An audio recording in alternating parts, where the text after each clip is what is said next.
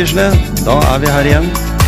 Og i dag har vi en ny spennende gjest, Tom Kjetil. Og det gleder vi oss til. Veldig.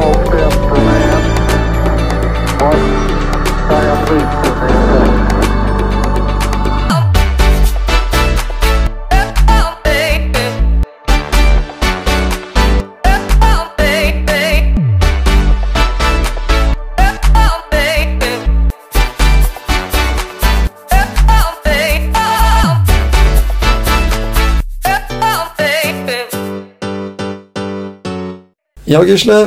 Vi har uh, fått uh, en uh, i studio her i dag, vi som har mange ting på CV-en. Ja, det har vi. Og Det er, det er Det er så mye at jeg Jeg vet ikke hvor jeg skal begynne. Ja. Nei. Du hadde satt opp en, en liten liste, du, og det, kan, er det greit at vi begynner med det, Geir Tangen? Velkommen. Vær så god. Nå er jeg spent. Ja, Hva er det dere er klart å grave opp? kjør på, Gisle. Du hadde notert noen, noen uh, ulike roller. ja, altså hvis jeg begynner med mentalist og hypnotisør, og da tenker jeg Kan du forklare litt til våre lyttere hva, hva det er for noe? Mhm. Mentalisme og hypnose er jo begge, eller kan begge være en underholdningsform. Eh, mentalisme er jo hovedsak underholdning. Eller det er underholdning. Det er bare en avart av eller skal si på en annen måte en trylling, for det handler om å leke med hodet til folk. Eh, hvor jeg da som mentalist eh, gjorde sett og forstand. Går man på Wikipedia, så ser man står veldig tydelig der. For det er en kombinasjon av eh, Du bruker kroppsspråk, du bruker psykologi, bruker suggesjon og bruker teknikker for å kunne skape en illusjon av en sjette sans. Mm, og Det er da det utgangspunktet for å lage masse forskjellige sånn spennende, absurde nummer på scenen. Ja. Hypnose er jo også fra gammelt av og brukt mye underholdningsøyemed, det er jo det selv også. Eh, for å skape en sånn absurd verden for den som da er i den såkalte transen. Eh, hypnose, som jeg også jobber med mest, da, det er jo for terapi.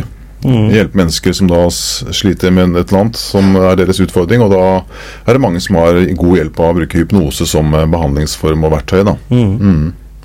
Men det er ikke noe problem å leke med det på scenen. Det å sette folk i transe for å skape en uh, ny virkelighet der og da. Men, men, men når du eh, gjør det på den måten, tenker du på det som Fordi du driver jo med det som en form for terapi. Altså Mm. du har, eh, kall det pasienter eller klienter, da, som, som du bruker disse teknikkene. Ja. Eh, når du da gjør det på scenen, er det for å ufarliggjøre det? Ja, jeg nei, ikke for ufarlig. Jeg syns det er gøy. Jeg, jeg, jeg er sånn todelt person som liker å tulle og tøyse og fjase. Det har jeg gjort i alle år, på scenen med underholdning og ha det gøy og sånn. Ja. Men allikevel, en stor del av meg er jo den litt mer kall det alvorlige tilnærmingen til livet. da. Eh, det å kunne ta litt dybde og kunne være et verktøy for både seg selv og andre for å hjelpe folk å få det bedre med seg selv i vanskelige valg eller situasjoner man måtte være eller komme i. Så, men eh, det her med hypnose på scenen er noen som fordømmer, eller kanskje gammel, litt gammeldags for noen, men fordi man tenker at det skal man ikke tulle med. Men hallo. Hypnose det er bare et verktøy for å, for å skape en endring i hjernen. I, og på scenen så gjør man det bare kortvarig. Det er bare økt fokus. Det er ikke noe skummelt man driver med. Det er bare en, en, eh, tilstand man er i som man egentlig ikke helt klarer å forklare, men som er mer og mer anerkjent også blant leger. Jeg får jo henvendelser fra både leger og sykehus Ja. på ting som de står fast på. Eh, men det handler jo om eh, økt fokus, en slags veileda meditasjon. Så jeg kan ikke, og det er ikke mulig å hypnotisere noen som ikke vil det selv. Det, Nei, er, ikke sant? de kan bare glemme. de kan bare glemme For hypnose er i seg selv Jeg som hypnotisør er bare verktøyet som leder den som, klienten da, det det, inn i den sta, eh, tilstanden som er ønskelig. Og så er det forskjell fra hypnoseterapi til hvis man skal da f.eks. leke med det på scenen, være i stand til å ta imot instruksjoner. Så må man kanskje være litt dypere level for å kunne ta imot instruksjonene.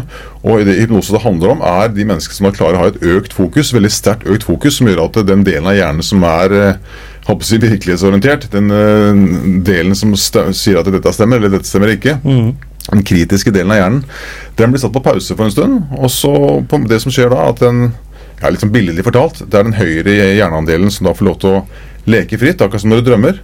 Og så er det da jeg som hypnotisør som forteller deg drømmene dine hva du skal drømme. Men du gjør det da i virkelig livet og tror at det faktisk skjer. Uten at det er noen kritisk sans som sier at dette stemmer eller ikke stemmer. Så jeg sier at du klarer å fly, så tror du det selv. Ikke sant? Samme, som, samme som i drømmene. Den store forskjellen fra drømmene til å eh, ha disse levende drømmene da, i hypnose, er jo at um, du beholder din moralske og etiske sans. da. Så jeg kan fortelle deg at eh, nå skal du gjøre sånn og sånn hvis det strider imot din moral eller din overbevisning, din ytterste sannhet. Det funker ikke. Du kan liksom strekke strikken her og der hvis det skulle være ønskelig, men det, det er jo uansett ikke noe tema på en scene.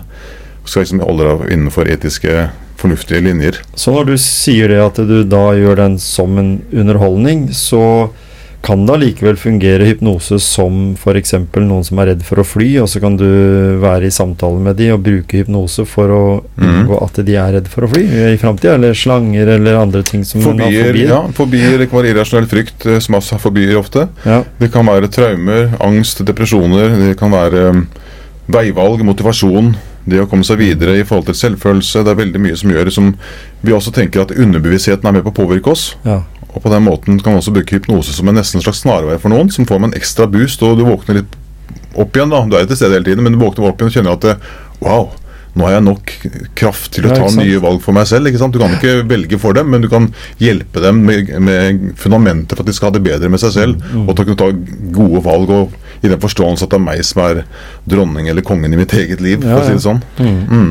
Men jeg tenker liksom Si jeg sleit med et eller annet innen angst, eh, med litt sånn psykosomatiske plager, og, og skulle gå til deg i, i terapi, da. Så tenker jeg at eh, kanskje for meg så ville frykten være det ukjente ved å gå til deg, fordi at ikke jeg vet helt hva det handler om, da. Mm. Så det jeg lurer på, liksom Hvordan vil et førstemøte med deg være da?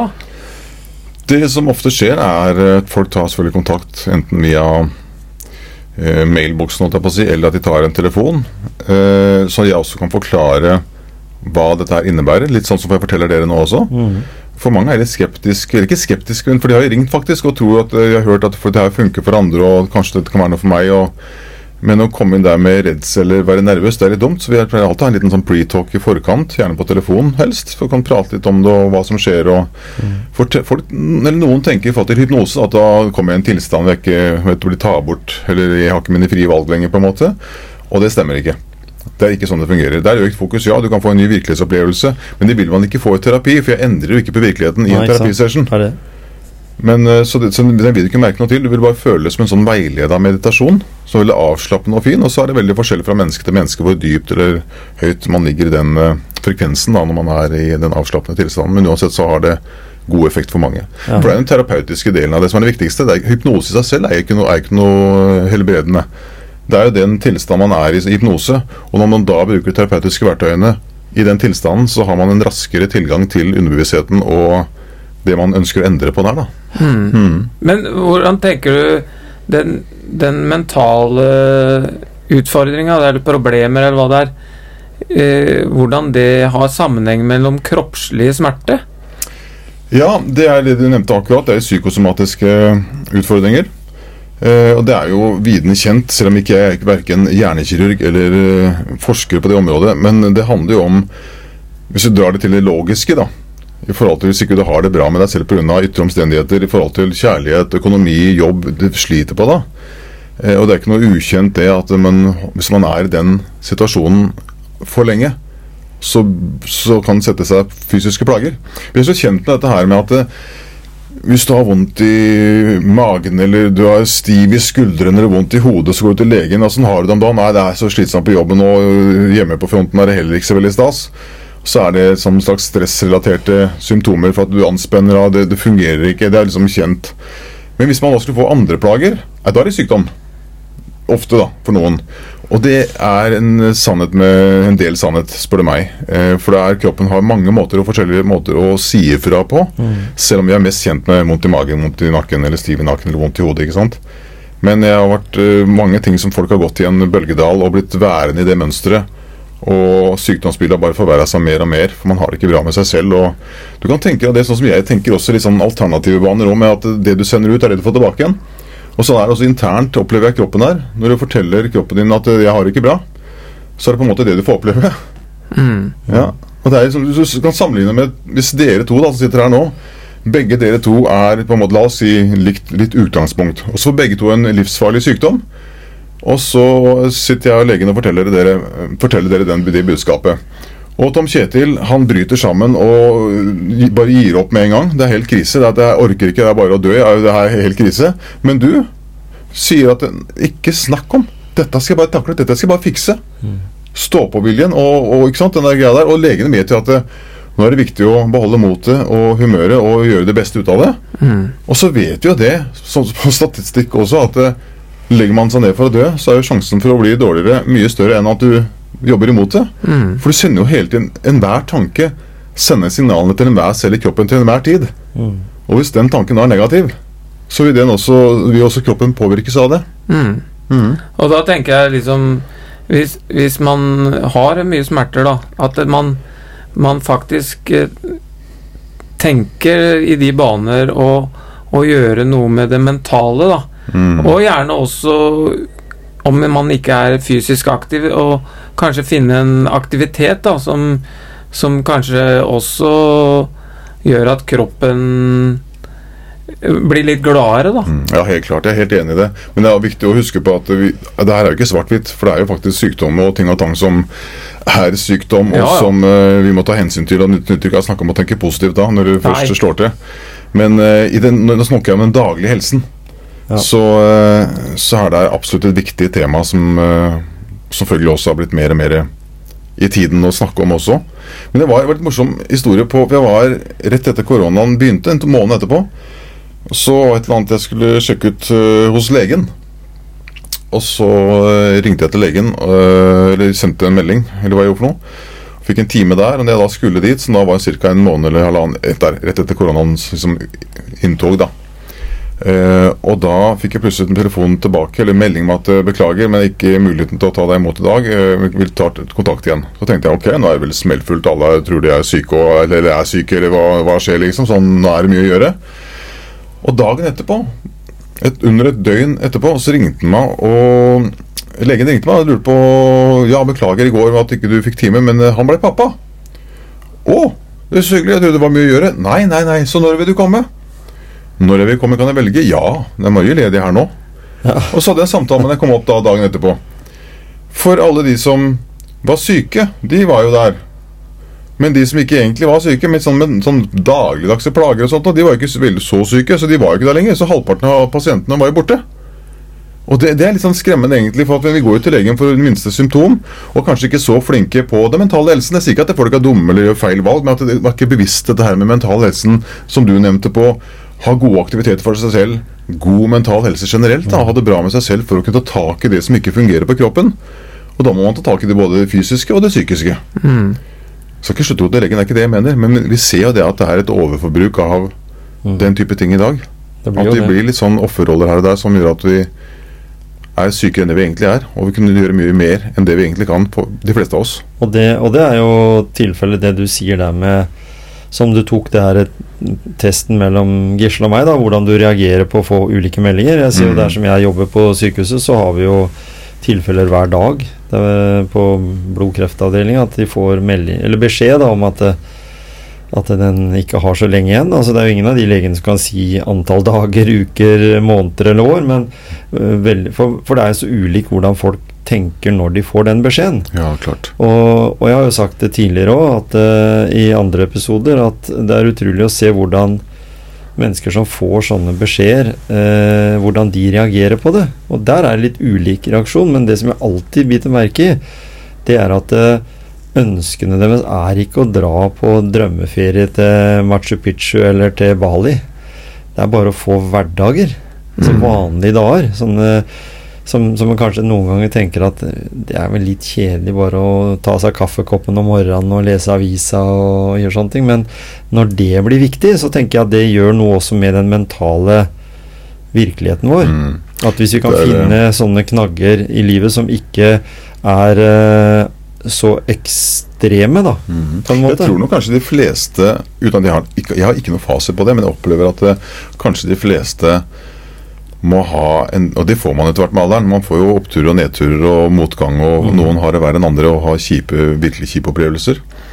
Og jeg må jo si for min egen del, som har hatt også mye kjipe opplevelser i eh, min, min, mitt liv, selv om det ikke kan virke sånn på noen, men det, det er også en sannhet, eh, som har vært med på alle de kjipe tingene så lenge jeg har kommet godt ut av det. Ja. Så har de vært med på å på en positiv måte å skape den jeg er i dag. Mm. For du blir påvirka av alle de der kjipe tinga også. Og sorg, eksempel, det, jo, det sier jo veldig mye om deg når du har en sorgprosess. Den er veldig sunn. Mm. Men det dumme med alt de kjipe tinga er hvis man blir sittende fast i mønsteret. Da er det ikke noe stas lenger. Nei, da, er, da er det ikke noe du kan omfavne hvis jeg har foreldre eller familie eller venner som driver innenfor dop eller den type ting, eller kriminalitet, og det ender med at jeg bare hevner ut på sjøl og får et liv i drit og dauer. Mm. Da kan jeg liksom ikke omfavne det og si at å, så bra om alle de kjipe tinga som har skjedd meg, som uh, gjorde at jeg er den jeg er i dag. For det har jo bare vært tull. Ja. Så det er veldig lett å sitte her for meg, da. Eh, Så er det litt urettferdig, kanskje, men jeg må jo kunne snakke for min egen del og min sannhet. Og det er Ikke sant? at Det er det eh, vi- mine kjipe ting har vært med på å skape det jeg er, og så lenge jeg har kommet godt ut av det, og kan bruke det for å hjelpe andre mennesker, så syns jeg det har Det er ingen bitterhet i noe av det jeg har opplevd i ettertid. Nei. Ja, og så tenker jeg at det- er jo, det er jo ikke, det er jo ikke flaut å, å erkjenne at eh, nå står jeg fast, nå trenger jeg hjelp, Mm. og så søke den hjelpa, da. Det er viktig. For eh, for å komme videre. Mm. Det er ikke lenge siden jeg måtte ha hjelp sist. Nei. I koronatida nå. Vi mister jo alt du har å finne på i forhold til underholdningsbiten, som er min hovedjobb. da har jo mye andre ting jeg kan suse med, så har det, har det ikke bare med hverdagssysselen å gjøre. Det har det med trivselen i mestring og alt det greiene her sånn. Hadde en periode, eller hatt et par perioder, øh, ikke så veldig lenge heldigvis, hvor jeg da ringer kolleger eller venninner som er, jobber med dette her også, og som er gode samtalepartnere, så at nå trenger jeg litt boost, altså, for at jeg har ikke noe bra med meg sjøl. Og det handler ikke om at du ikke har penger til regningene eller mat, selvfølgelig nødvendigvis. Det har med den mentale helsen, faktisk. Og det å tro at eh, det finnes noen sånne guruer som bare gjør alt riktigere og alt Sånn som jeg driver, får noen tilbakemelding på. Jeg skriver en del på Facebook og sosiale medier om litt sånn sitater og betraktninger og sånne ting. Eh, og så er det kanskje da noen som tenker at fy fader, for en fyr som Klok fyr som har fått alt dette her i livet sitt. Og det er jo en sannhet med modifikasjoner. For jeg klarer jo ikke å etterleve alt det jeg selv skriver. Ikke sant? Uh, Snakka med en forfatter som er en stor inspirasjonskilde for meg, som heter Neil Donald Walsh. Som jeg spurte ham om, mye av det jeg har fikk en omveltning på i livet i forhold til nye veivalg og tanker om livet, var etter at jeg leste noen bøker fra han. Og så fikk jeg anledning til å besøke ham i USA for en del år siden. Og så spurte, for han hadde mye sånn kloke sitater og kloke betraktninger om liv og død. Eh, så spurte jeg han hvor mye klarer du selv å etterleve det du skriver. Så sier han hm, ja, på en, eh, på en god dag så er det kanskje 80% På en dårlig dag så er det kanskje 25 Og sånn, sånn er det jo. Vi, vi lever i en verden av dualitet og, og feil og hva som er feil og riktig for enhver enkelt. Og vi tar dårlige valg og gode valg, og så handler det egentlig til syvende og sist at man finner ut at å, det var et dårlig valg, da må jeg velge på nytt. Men er det ikke litt egenterapi i det òg? Det du skriver? Altså, du kan, du kan mye, men det er ikke alt du klarer å sette ut i livet for deg sjøl, men allikevel så Jeg tenker at det måtte være en egenterapi. Sånn jeg liker å skrive litt, jeg òg. Jeg bruker det litt på den måten, da. Mm. Og For meg så er den skriverien en terapi, helt klart. Eh, på den måten at For jeg er glad i å Eller ufrivillig. Eh, tanker sånn som foregår i mitt hode, så er tankene i overkant på høygir hele tiden. Eh, det skjer noe inni hodet som gjør at du tenker på et eller annet i en eller annen form. Og da er det ofte at du skriver ned ting for du har tenkt på et eller annet som gir mening, eller kanskje dette kan være bra å dele med andre. Eller at jeg har vært i en terapi med en klient. og Det skjer ofte hvor du har en samtale hvor det kommer noe ut av den samtalen som Wow. Og så, så sier jeg et eller annet, og så tenker jeg at Jøss, det var godt sagt! Det må jeg skrive det. For det det den lange samtalen jeg hadde med den klienten, som uh, resonnerte vi det ned, og så endte det kanskje bare en setning eller to, som gjorde at dette var veldig mye sagt på kort tid. Og det er liksom litt av det som er litt spennende med å skrive også. For å prøve å skrive ting som fanger mennesker uten å skrive en halv bok. Ja, ikke sant? Men, men jeg tenker på Mye har jo skjedd siden eh, Geir kjørte rundt med en gammel bil eh, og var frisør, Ja. til eh, den som sitter her i dag. For jeg tenker på Når jeg leser de historiene du skriver på, på Facebook, annet, så er det jo mye e Vi tror mellom linjene her så er det mye egenopplevd også. Altså, eller sånn Mm. Kall det litt sånn Jeg hadde håpa Som du sier, du får jo ikke gjennomført alt, men også en del ting som du på en måte har opplevd. Eh, Du har hatt, som du sa, litt kjipe ting i livet, men du forteller det på en måte som ender opp med at det, en må tenke litt positivt, da. For det er- veldig sånn positivt, selv om noe av det kan være litt trist, og, og sånn, så er det allikevel en sånn positiv eh, tråd gjennom det, da. Ja. Og det er jo eh, modig. Det var derfor jeg sa det der med når du var frisør, for jeg husker det oppslaget i Sto i avisa. ja. Og det er jo mange år siden. Mobil frisør, ja. ja. ikke sant? Og, og, og det er jo modig Altså, du må jo være en modig fyr. På en på mange måter. Jeg tenker ikke noen gang på at jeg har vært modig. Ja. Eh, men jeg har heller ikke vært, aldri vært Fordi at jeg aldri har vært redd for å stikke hodet frem på noen måte. Og så har jeg liksom lært med åra For det var litt sånn jantelov til tider, kanskje ikke så mye nå, jeg har blitt for gammel til det, men sånn Noen vil sikkert mene noe om uansett hva en driver med. Eh, og for meg så har det vært en sånn motto hvor eh, hva andre mener om meg, har overhodet ikke noe med. Så lenge jeg oppfører meg som en eh, positiv fyr og ikke kødder med folk, så må folk nesten få lov til å mene hva de vil, uten at jeg trenger ikke være riktig eller galt. Det er ikke det jeg sier, men hvis du da blir kjent med meg, så er det jo ikke det som stemmer. Og det har jeg fått høre mange ganger. Jøss, du er jo ikke sånn jeg tenkte du var. Og det er en sånn utfordring i samfunnet nå at vi, vi går rundt og antar. Og sånn er det gjerne i privatlivet også, men med folk du kjenner, venner eller kona di eller barn, og så antar du et eller annet, så skaper det masse konflikter fordi de kun antok. At Istedenfor liksom å ta det fra med en gang at ok, hva er problemet her? Snakk med kompisen din, med venninna di. Jeg føler det sånn. Hva, hva tenker du? Jeg mener ikke noe ufint med det, men jeg føler litt kjipt. Hva, hva, hva tenker du om det? Det er ingen som blir sure for å bli konfrontert med noe som er, gjør at jeg har vært lei meg for noe. Da tenker man 'Å, så fint at du tok opp det'. I en normal samtale, iallfall. Ja. på at man skal da gå rundt og bære på det og nage. Og, og så blir det sånn når man da nager og gnager på ting, at de tingene blir jo større og større og vokser ut av gjerne proporsjonene også. Så blir du nesten litt deprimert og sinna, eller hva det, hvilken retning det måtte ta. Men eh, det har sikkert en liten avsporing, for det du spurte om var men, men blei du Og så tenker jeg da, når vi er inne på noe av de tinga Blei du sur og litt irritert og lei deg når eh, Det blei jo en litt sånn styr rundt norske talenter.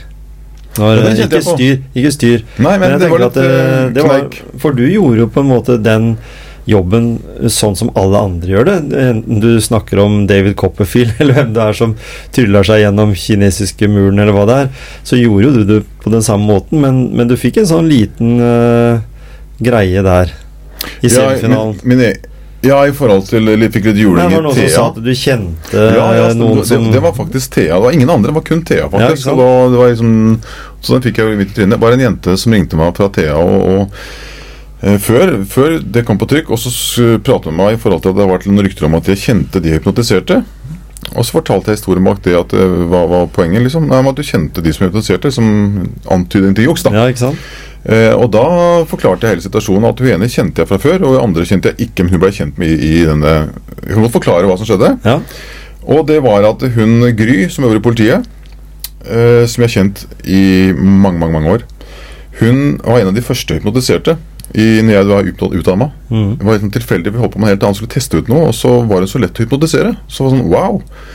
Hadde de moro med det. Husker vi satt på hytta til og med gjorde dette her.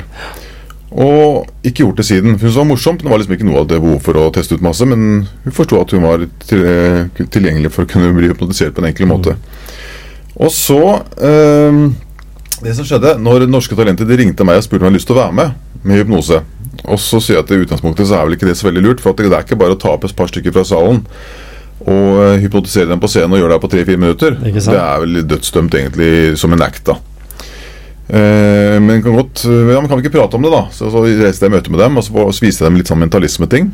Eh, som da de begynte med de to første rundene i Norske Talenter. Det, ja, dette er kjempekult! Ja, så kan vi se, Hvis jeg kommer videre, så kan jeg ta noe hypnose etter hvert da, og så se hvordan vi skal løse det. Og så gikk jeg videre. Så blir semifinalen til. Da må vi gjøre hypnose.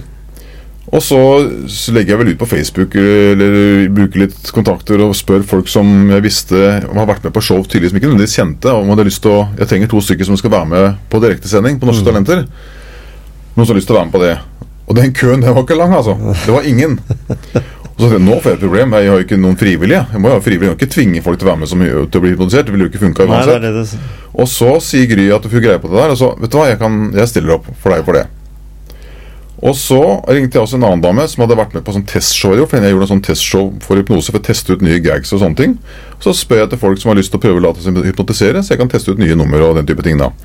Og Da dukka opp ei jente som jeg visste hvem var, men kjente jeg ikke. Eh, som også var et fantastisk en emne da, til å hypnotisere.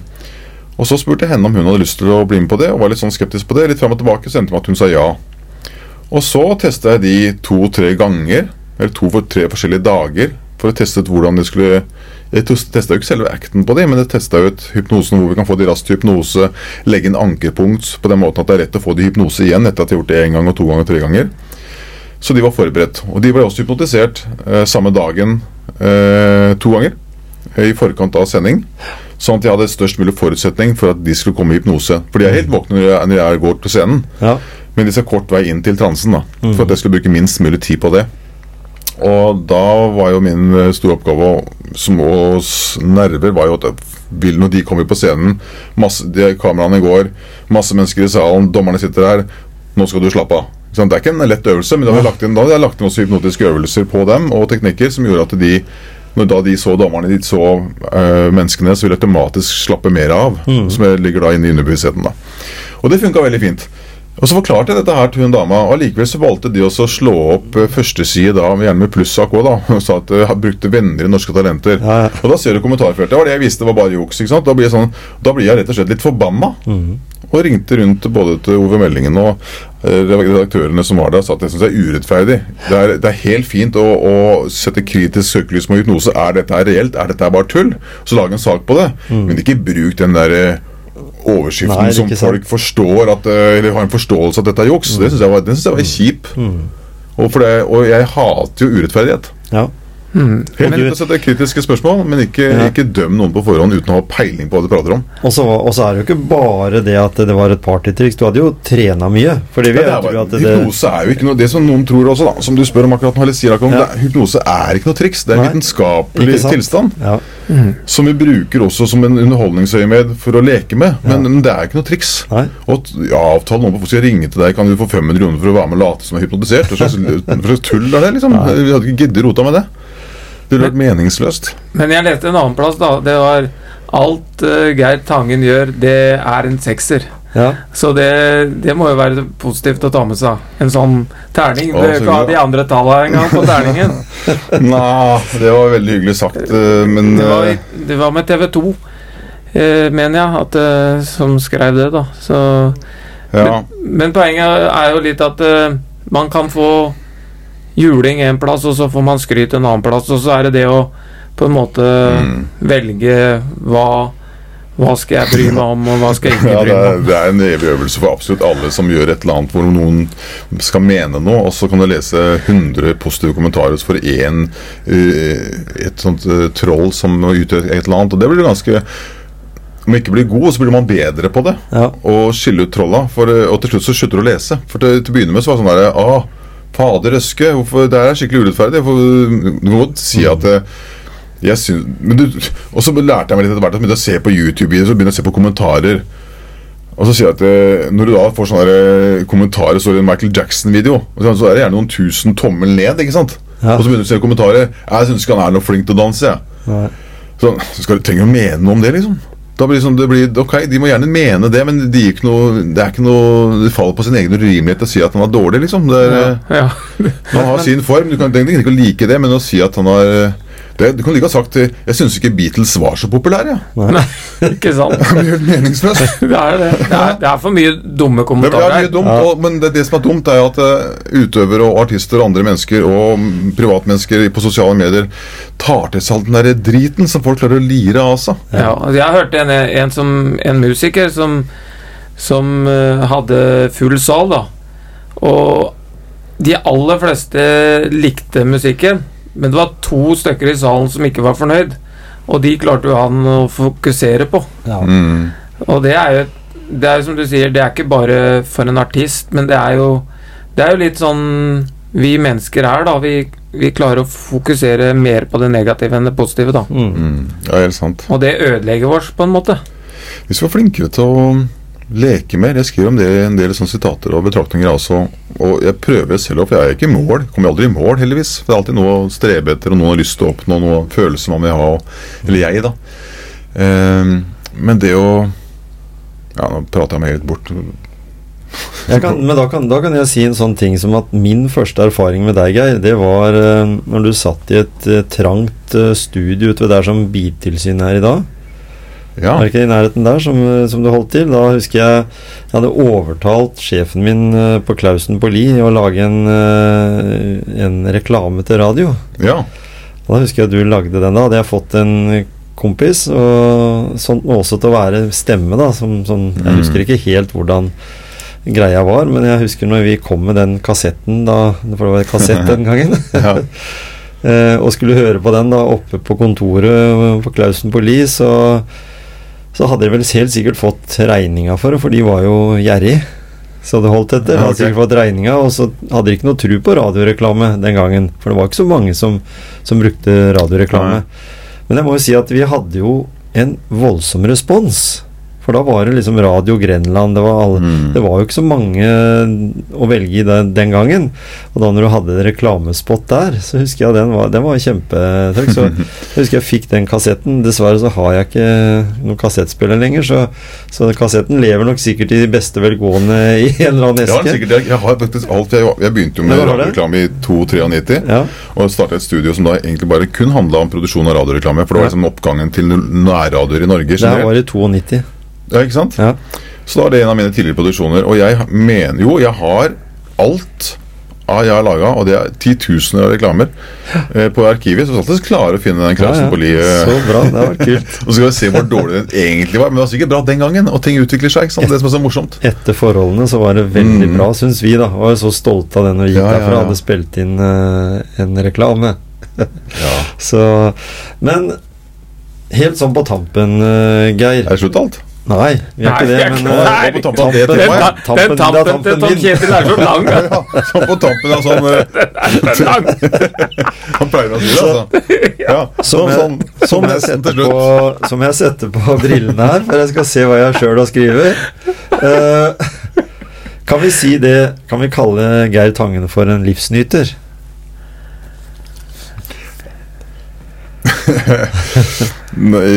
Ja Men jeg, jeg nyter livet, jeg gjør det. Ja.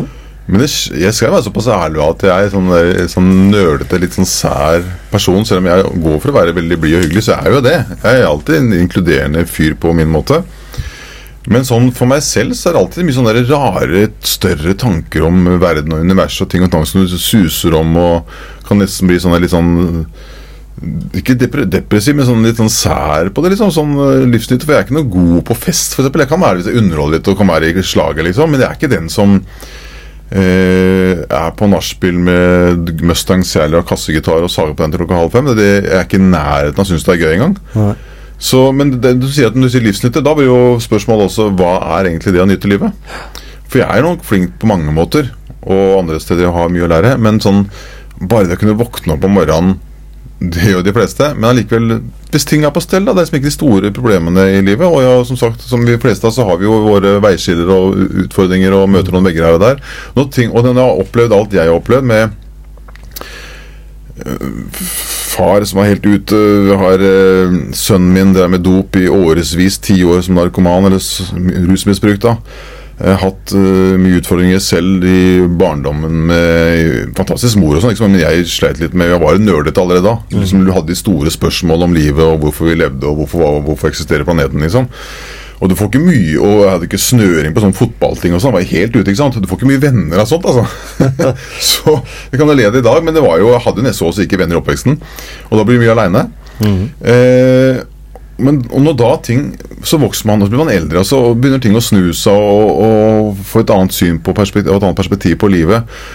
Så nå kan jeg liksom bare nyte, sånn som i dag, så skulle jeg få en kompis eh, Ja, han har faktisk vært her. Eh, Ånund. Ja. Olsen, som er en veldig god kompis. Vi er sånn samtalepartner egentlig på veldig mye. Og sånn fast hver morgen ti over åtte Nei, hver tirsdag morgen klokka ti over åtte så kommer han inn døra. Da er det kaffe og et par timer med prat. Og det var i dag. I, dagens Eller jeg vet ikke, jeg vet ikke helt når det programmet går, men i dag på en var er det iallfall tirsdag. Ja. Og så Da kan jeg glede meg at han kommer. Og Da har jeg spist god frokost med noe Med brød og det jeg liker å spise, og, sånt, og, så kjenner, og så er det sol ute, og så kommer det fugler på fuglebrettet. Så da kjenner jeg at, så deilig! Nå har jeg det bare bra uten å ha Det er ingenting jeg gleder meg til. Og det er ingenting jeg skal, men så har du det bare bra. Men det er ikke noe hverdagsfølelse hver dag. Men det er disse lykkelige øyeblikkene du bare kjenner at du fanger at Å, fy fader, det er bra jeg har det nå. Uten at det er noe spesielt. Og det er ikke lett å ha de øyeblikkene når alt føler at du rakner, eller du ikke har penger til regninga og alt det ikke sant. Det er de tullete tinga som, som drar deg ned, da. Når ting på en måte er greit, så er meg da Det her med lykke da og En Liten digresjon på det. Lykke er jo ikke for meg en tilstand du står i hele tiden. Lykke er for meg de små, eller noen ganger små, noen ganger lenger, øyeblikkene som man ønsker bare mer og mer av. Mm. Og hvis du kan få én om dagen, eller ti om dagen, eller én i uka, det er ikke det, det er opp til hver enkelt. Men for, og, og for det å være i en sånn e evig lykkerus, det, det tror jeg ikke er mulig. Nei, jeg vet ikke. Da, da, er, definisjonen på, hva er definisjonen på lykke? da? Ja? Trivsel, da, er det greit. Ja, Men hvis lykke er den der piken opp at du kjenner at det bruser litt i magen og fy faen, så godt, ja, nå koser jeg meg. Ordentlig, liksom. Du kjenner den gode greia. Så kan det gå fem minutter, så er det normal, normal igjen. Men har det bra, da. Ja. Jeg har ikke noe å klage på for det. Alt er bare greit, men du kjenner den der ekstra wow. Eller at du er liksom glad i det ene eller andre, får lov til å holde på med det du holder på med. Og nå gleder jeg meg til å være med kameraten, nå skal vi ut på jakt, eller nå skal vi på båttur, og så kommer du i båten og åpner en øl, eller hva du gjør for noe, og sola skinner og kjenner Fy fader, jeg koser meg. Nå, jeg koser meg så gløgg. Disse øyeblikkene som vi må ta vare på og sette pris på. Det, det er jo en del av det å kunne være livsnyter, og sette pris på de tingene der. Og så har vi jo alle tre vokst opp sånn omtrent på samme tida. Mm. Så vi har alle liksom klora oss litt fast i, i samfunnet. Det, eh, Gisle han mente jo det at han kanskje hadde gått på skolen sammen. da. Ja, jeg tror nok det. Ja, det skal du ikke se bort ifra. Jeg husker jo ikke alt. Nei, jeg, jeg må jo Jeg må jo ikke gjøre feil, men eh, kan det være på Myrana? Ja, Valmyrene. Første, andre klasse? Er det deg? Det er meg. Dere gikk jo i samme klasse, da. Ja. Ja, men Det var helt kult, da. Ja, Ja, jeg, jeg hilste på dere her for noen uker siden. Ja. Eh, og så jeg vet ikke om jeg hilste på deg så veldig mye før det.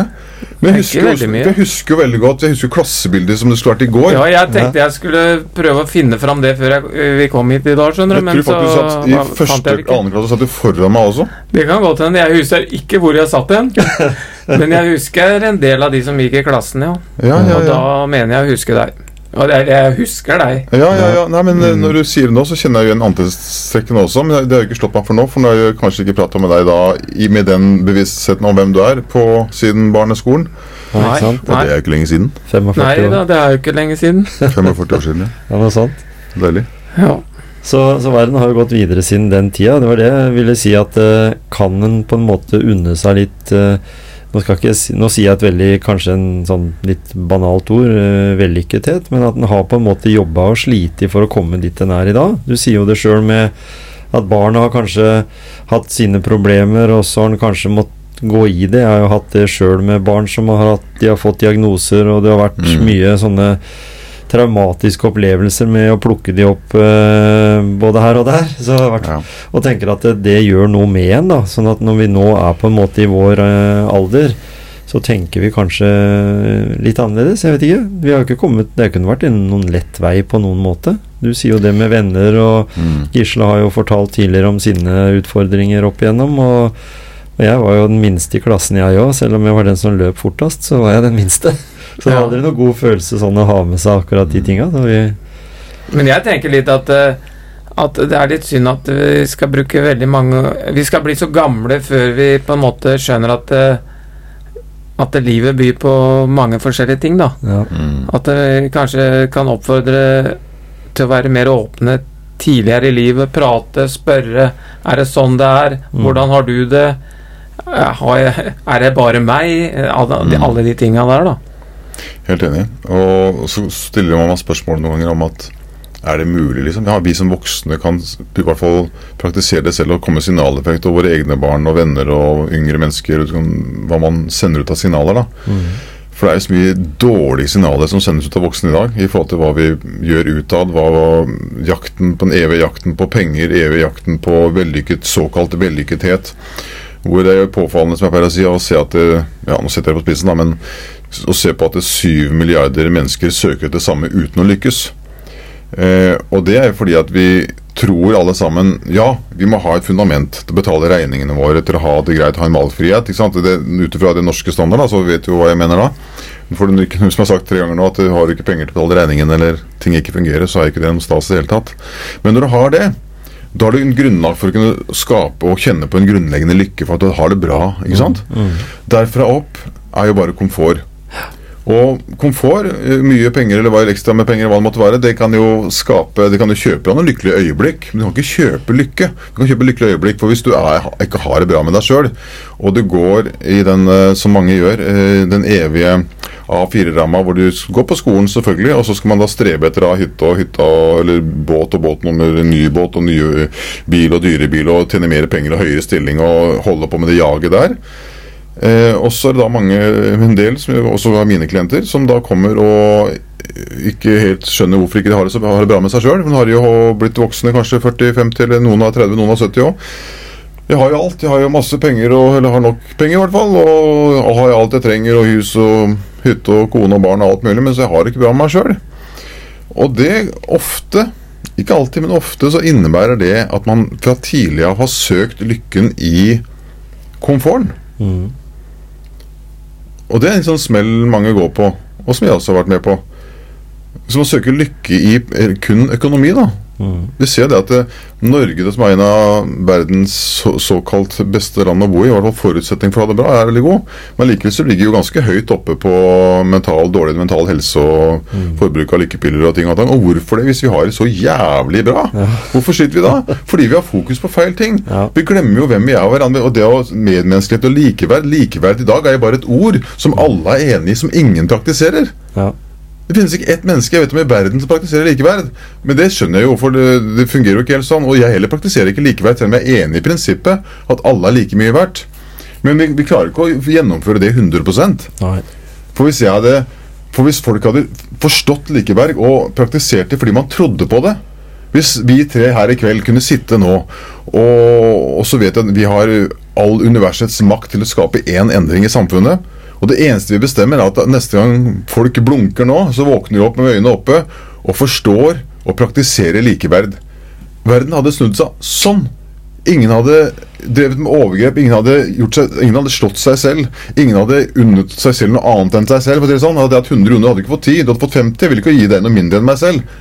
Alle hadde løfta hverandre hele tiden. Ja. Det er selvfølgelig veldig sånn satt på spissen, men det er jo liksom grunnlaget for å kunne skape en ny verden hvor vi alle er like mye verdt. På- Vi er på forskjellige steder og har mindre og mer penger, det er ikke det, men vi hjelper hverandre og tør å gjøre hverandre gode.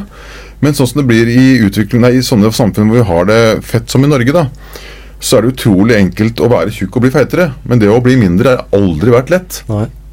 Det å få mindre penger eller mindre status eller mindre jag. ikke sant?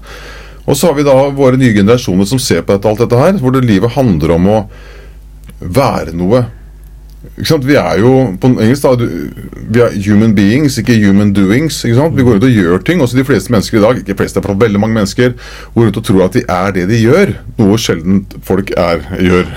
ikke sant? Du kan, om vi begynner å forstå hvem du er, begynner Ja, å forstå hvordan du er som menneske, og hvem er jeg, og sant? begynner å litt sånn ransakelse og vokser og blir eldre, og så kan det gjenspeile seg det du gjør. Ikke det at du trenger å bytte jobb eller bytte kone for det, det er ikke det jeg mener, men du legger en helt annen kjærlighet i det, det du gjør, da. For at du, du har, med, har med deg sjøl i det. Det er ikke bare noe du gjør som ofte er et sånn speil av hva andre forventer at du skal være eller gjøre. Og Så går man ut og gjør ting, da, og så blir man deprimert, og så skjønner man ikke helt hvorfor. Men, men tror du den påvirkninga der blir litt sånn Skaper vi egentlig sånn i samfunnet i dag litt eh, klasseskiller mellom Når du ser det selges en hytte for 14 millioner, som kanskje gjør at vi etter hvert langs kysten får en sånn adel alle de som har sjanse til å betale over 10 millioner for hytte, da. Hva nå Mm. med neste generasjon? Altså Barna deres, det er greit, de skal jo overta den hytta. Og så, men, men, men jeg snakka med en eh, fyr her i, tidligere i dag, som, som du prata med om akkurat det der med eh, Hva med de som har lyst til å feriere langs kysten vår, da, men som ikke har 10 millioner? De fleste Mm. har jo ikke det. Det blei en skikkelig lang eh, samtale, det her, eh, Geir Tangen. Ja, det er, ja, så, så, jeg er så fælt å prate òg, da, så jeg, jeg slutter jo aldri. Så Så jeg tenker prøver du å bryte av det du prøver på? Jeg tror vi gjør det sånn, ja, at eh, vi Er du ikke enig i det, Gisle? At vi må nesten dele opp en så flott episode som det her, og så følger gjengen med i neste episode? Ja, og det passa jo veldig bra med å ha, ha den i to, to omganger, for det, neste fredag, vet du, da er ikke jeg tilgjengelig. Nei, Tom det det, Ja, så, det, så det jeg skal svare og snakke om nå, det, det, det skal sendes en uke senere? Er det ja, du sier? ikke Ja, det, det som kommer nå, Det som vi skal prate om nå, det kommer om en uke etterpå Ja, igjen. ja, Ok, ja. ok, ok. og det de har hørt nå, det har vært Det har vært, ja. Ja, det skjønner jeg. Da Og nå, skjønner jeg. og nå ble vi voldsomt avanserte her, så derfor så tror jeg vi runder av der, jeg. Ja. Farvel.